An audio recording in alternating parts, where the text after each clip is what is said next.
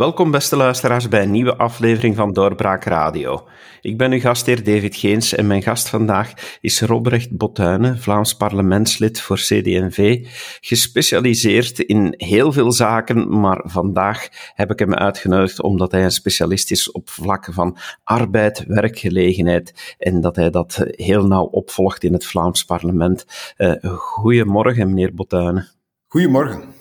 Meneer Boutijnen, we hebben deze week de werkgelegenheidsconferentie gehad. Daar is enorm naar uitgekeken. Wat mij opvalt is dat die inmiddels geweest is en dat daar heel weinig wordt over gezegd. Is die dan niet zo belangrijk geweest zoals aangekondigd? Is dat een beetje een slag in het water geworden? Wel, de werkgelegenheidsconferentie is een, is een proces. Uh, het is geen eenmalig uh, gebeuren. Uh, we hebben al voor de zomer vanuit Vlaanderen een, een, duidelijk eisenpakket op tafel gelegd van wat er volgens ons op federaal niveau moet worden gerealiseerd om het Vlaamse arbeidsmarktbeleid beter te laten werken. die eisen zijn nu besproken deze week. vragen zijn gesteld, antwoorden zijn gegeven. Er is een engagement vanuit de federale minister van Werk om op basis daarvan met een actieplan te komen in de komende weken. Uh, en dus ook uh, conclusies te trekken uit de werkgelegenheidsconferentie. En dan moeten die conclusies uiteraard ook zo snel mogelijk uitgevoerd uh, worden.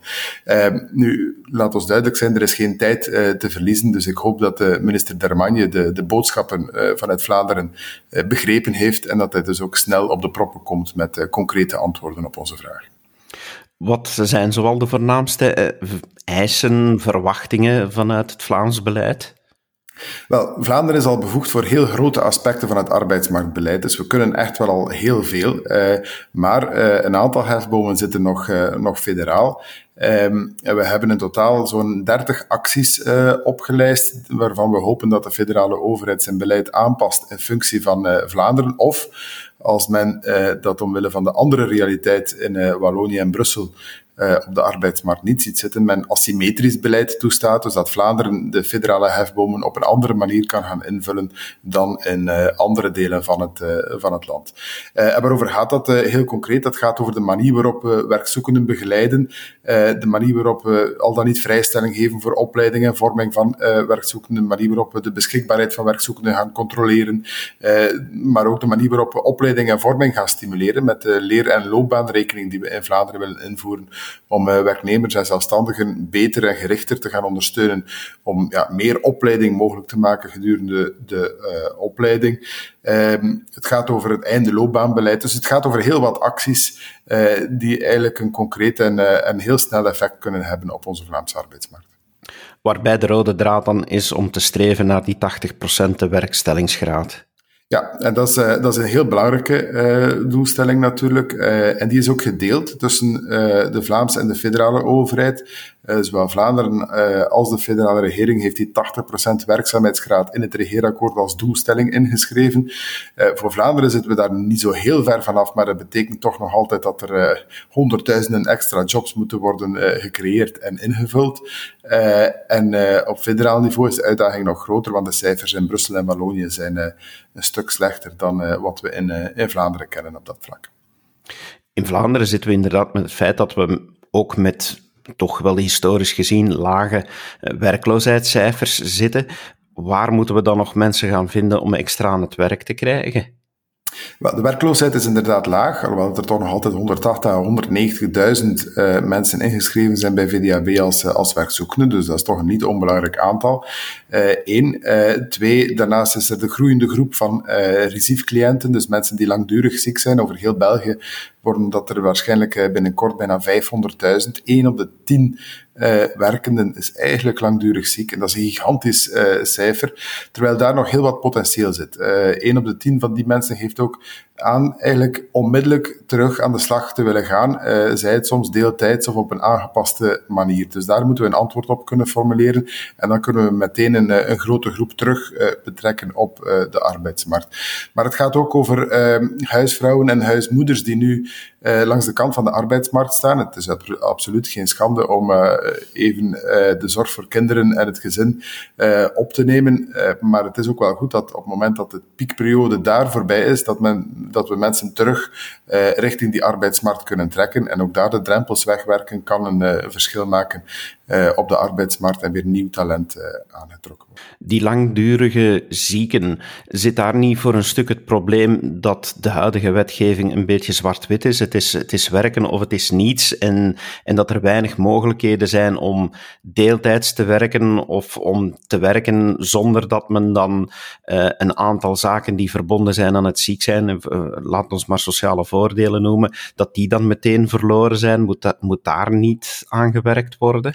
Ja, daar moet aan gewerkt worden. In het Vlaamse regeerakkoord staat bijvoorbeeld dat we de sociale voordelen niet meer afhankelijk gaan maken van het statuut. Hè, dus of je al dan niet uh, cliënt bent, maar van het inkomen. Uh, en dat we dus op, naarmate dat uh, we um, ja, die sociale voordelen op een andere manier kunnen gaan toekennen, zullen mensen de angst verliezen om uh, terug aan de slag te gaan. Er bestaat al een systeem van progressieve werkhervatting, waarbij je dus stapsgewijs uit ziekte terug aan de slag kan gaan, maar dat systeem kan en moet verbreed en vereenvoudigd worden.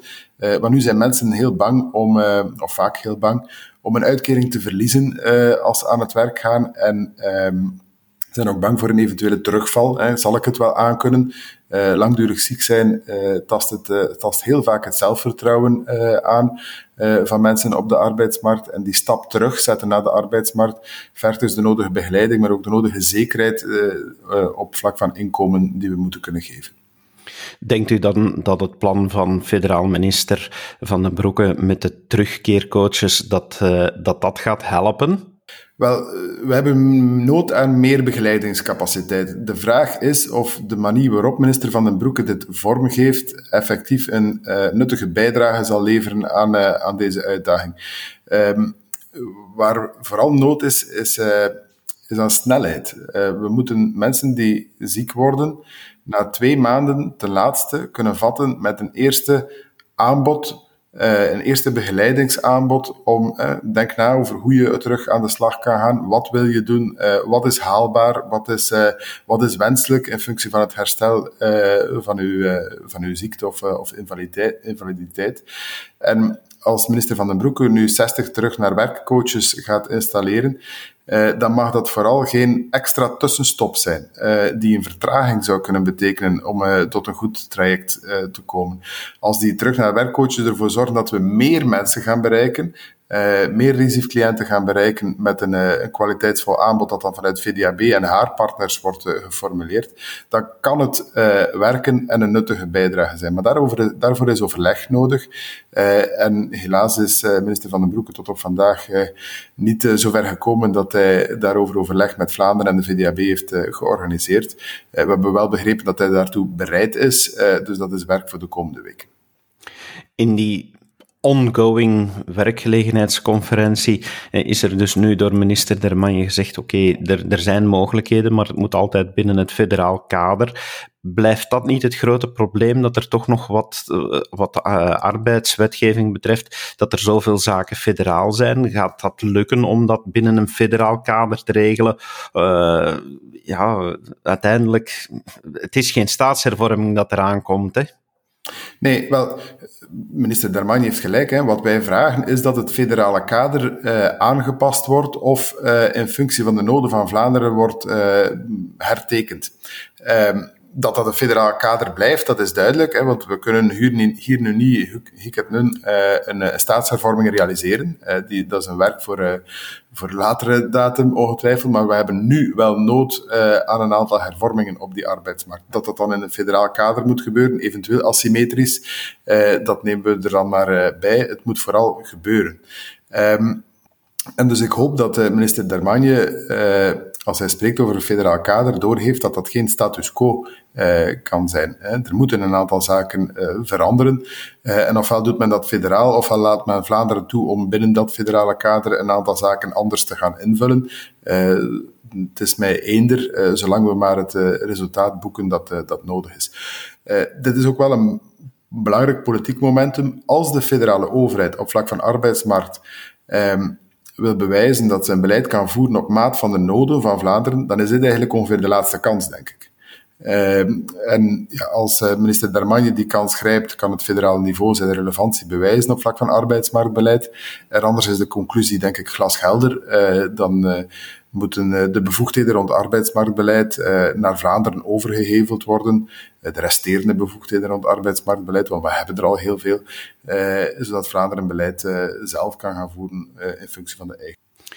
Het is ook een feit dat op dit moment in de Vlaamse economie Heel veel ondernemers zitten te roepen om uh, geschikt personeel te vinden. Anderzijds uh, is het de doelstelling om meer mensen aan het werk te krijgen.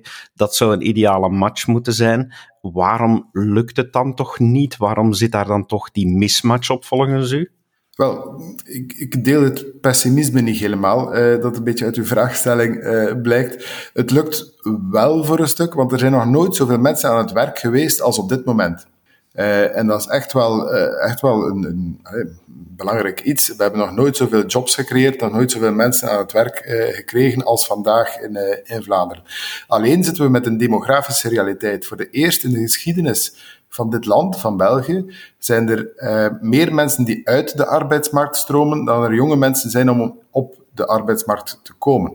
Uh, en dan hoef je geen groot rekenwonder te zijn om uh, in te zien dat dit uh, tot een aantal ja, problemen en knelpunten zal leiden.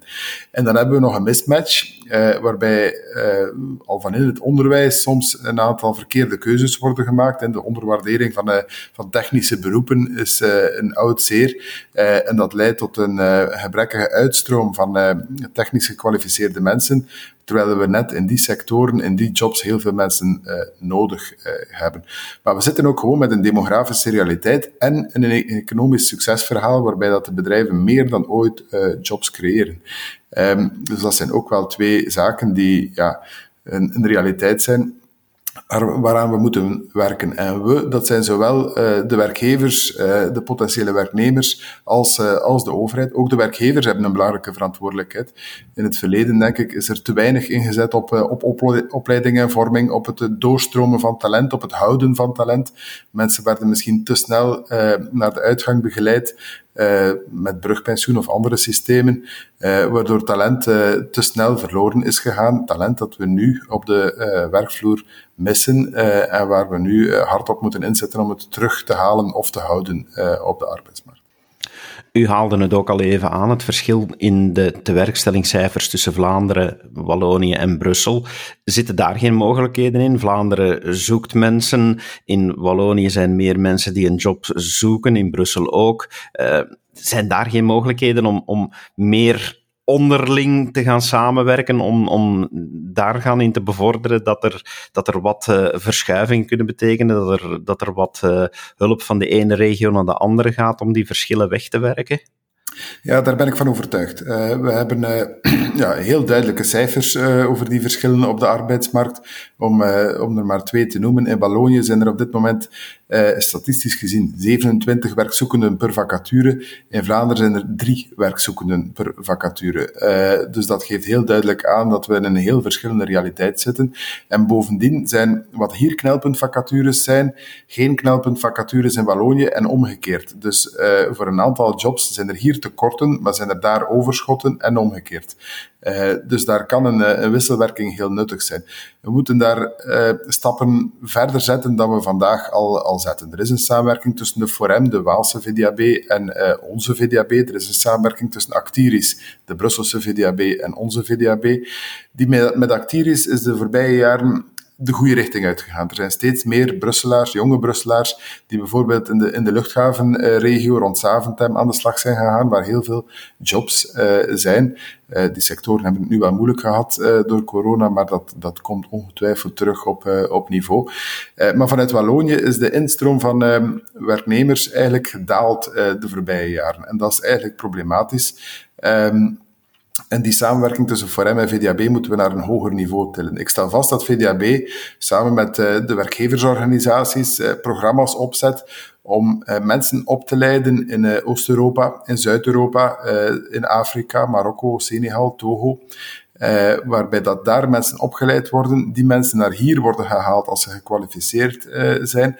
En zowel voor hen als voor hun gezin een onderkomen wordt gezocht, onderwijs voor de kinderen wordt gezocht enzovoort. Dus een heel programma wordt opgezet om mensen te laten migreren en te laten integreren. En dat is heel fijn en heel goed. Maar we doen niet hetzelfde voor Walen. Een, een Waalse werkzoekende die een opleiding wil volgen, moet het eigenlijk allemaal zelf uitvinden en uitvissen, moet maar gaan solliciteren op die Vlaamse vacatures. En als hij de vacature wil aannemen, moet hij maar zien hoe dat hij verhuist en eventueel onderwijs voor zijn kinderen kan regelen.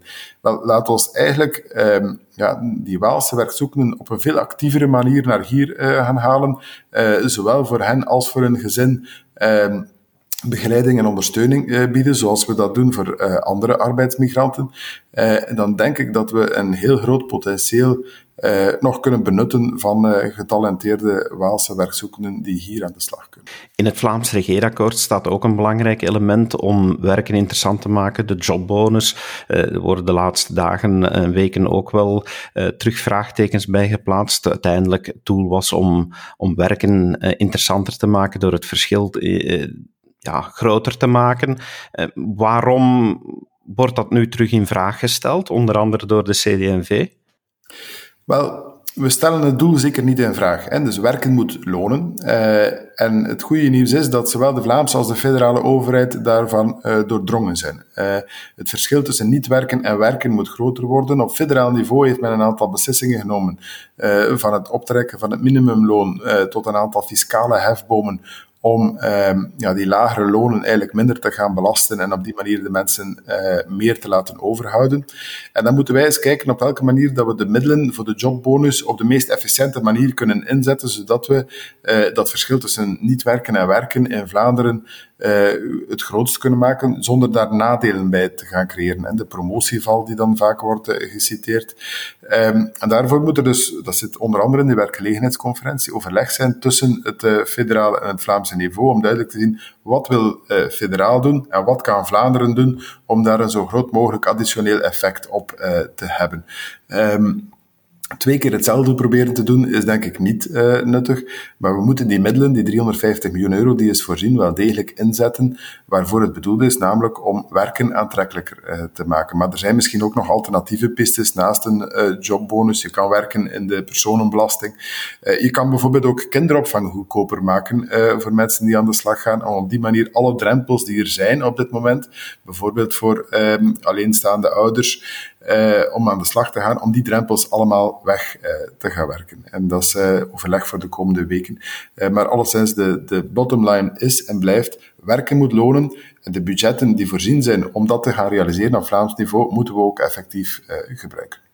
Meer mensen aan het werk krijgen, is dat ook een belangrijke doelstelling die in het programma Vlaamse Veerkracht vervat zit?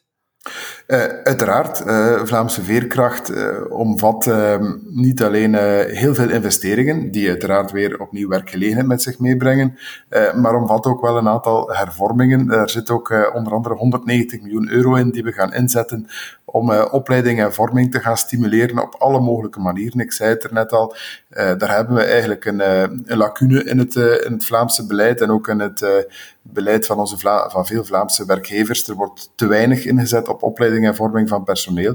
Dat is niet onlogisch. Vroeger dachten mensen, ja, na een vijftigste uh, is het uh, uitbollen begonnen. Uh, terwijl we nu uitgaan van een realiteit waarbij na het vijftigste er nog 15 jaar kan uh, uh, gewerkt worden en, uh, en, bijgedragen worden op de arbeidsmarkt. En in een snel evoluerende samenleving en economie is opleiding en vorming daarbij cruciaal. Dus we gaan daar extra middelen inzetten om zowel werknemers, zelfstandigen als werkzoekenden ja, op een betere manier te begeleiden en opleiding en vorming als een logica te laten aanvaarden in, in onze loopbaan. Meneer Botuinen, dank u wel dat u dat allemaal hebt toegelicht. Ik merk dat er eh, binnen het Vlaamse beleid inderdaad toch heel veel werk wordt gemaakt van werk. Uh, dus bedankt dat u in, tijdens uw werk de tijd hebt gevonden om dat allemaal even toe te lichten in onze podcast. Dat is heel graag gedaan. En u, beste luisteraar, dank u wel dat u de tijd hebt gevonden om te luisteren. En graag tot een volgende keer. Dag. Dit was een episode van Doorbraak Radio de podcast van doorbraak.be. Volg onze podcast op doorbraak.be/slash radio of via Apple Podcasts, Overcast of Spotify. Bezoek ook onze website op doorbraak.be en steun ons door een vriend te worden van Doorbraak.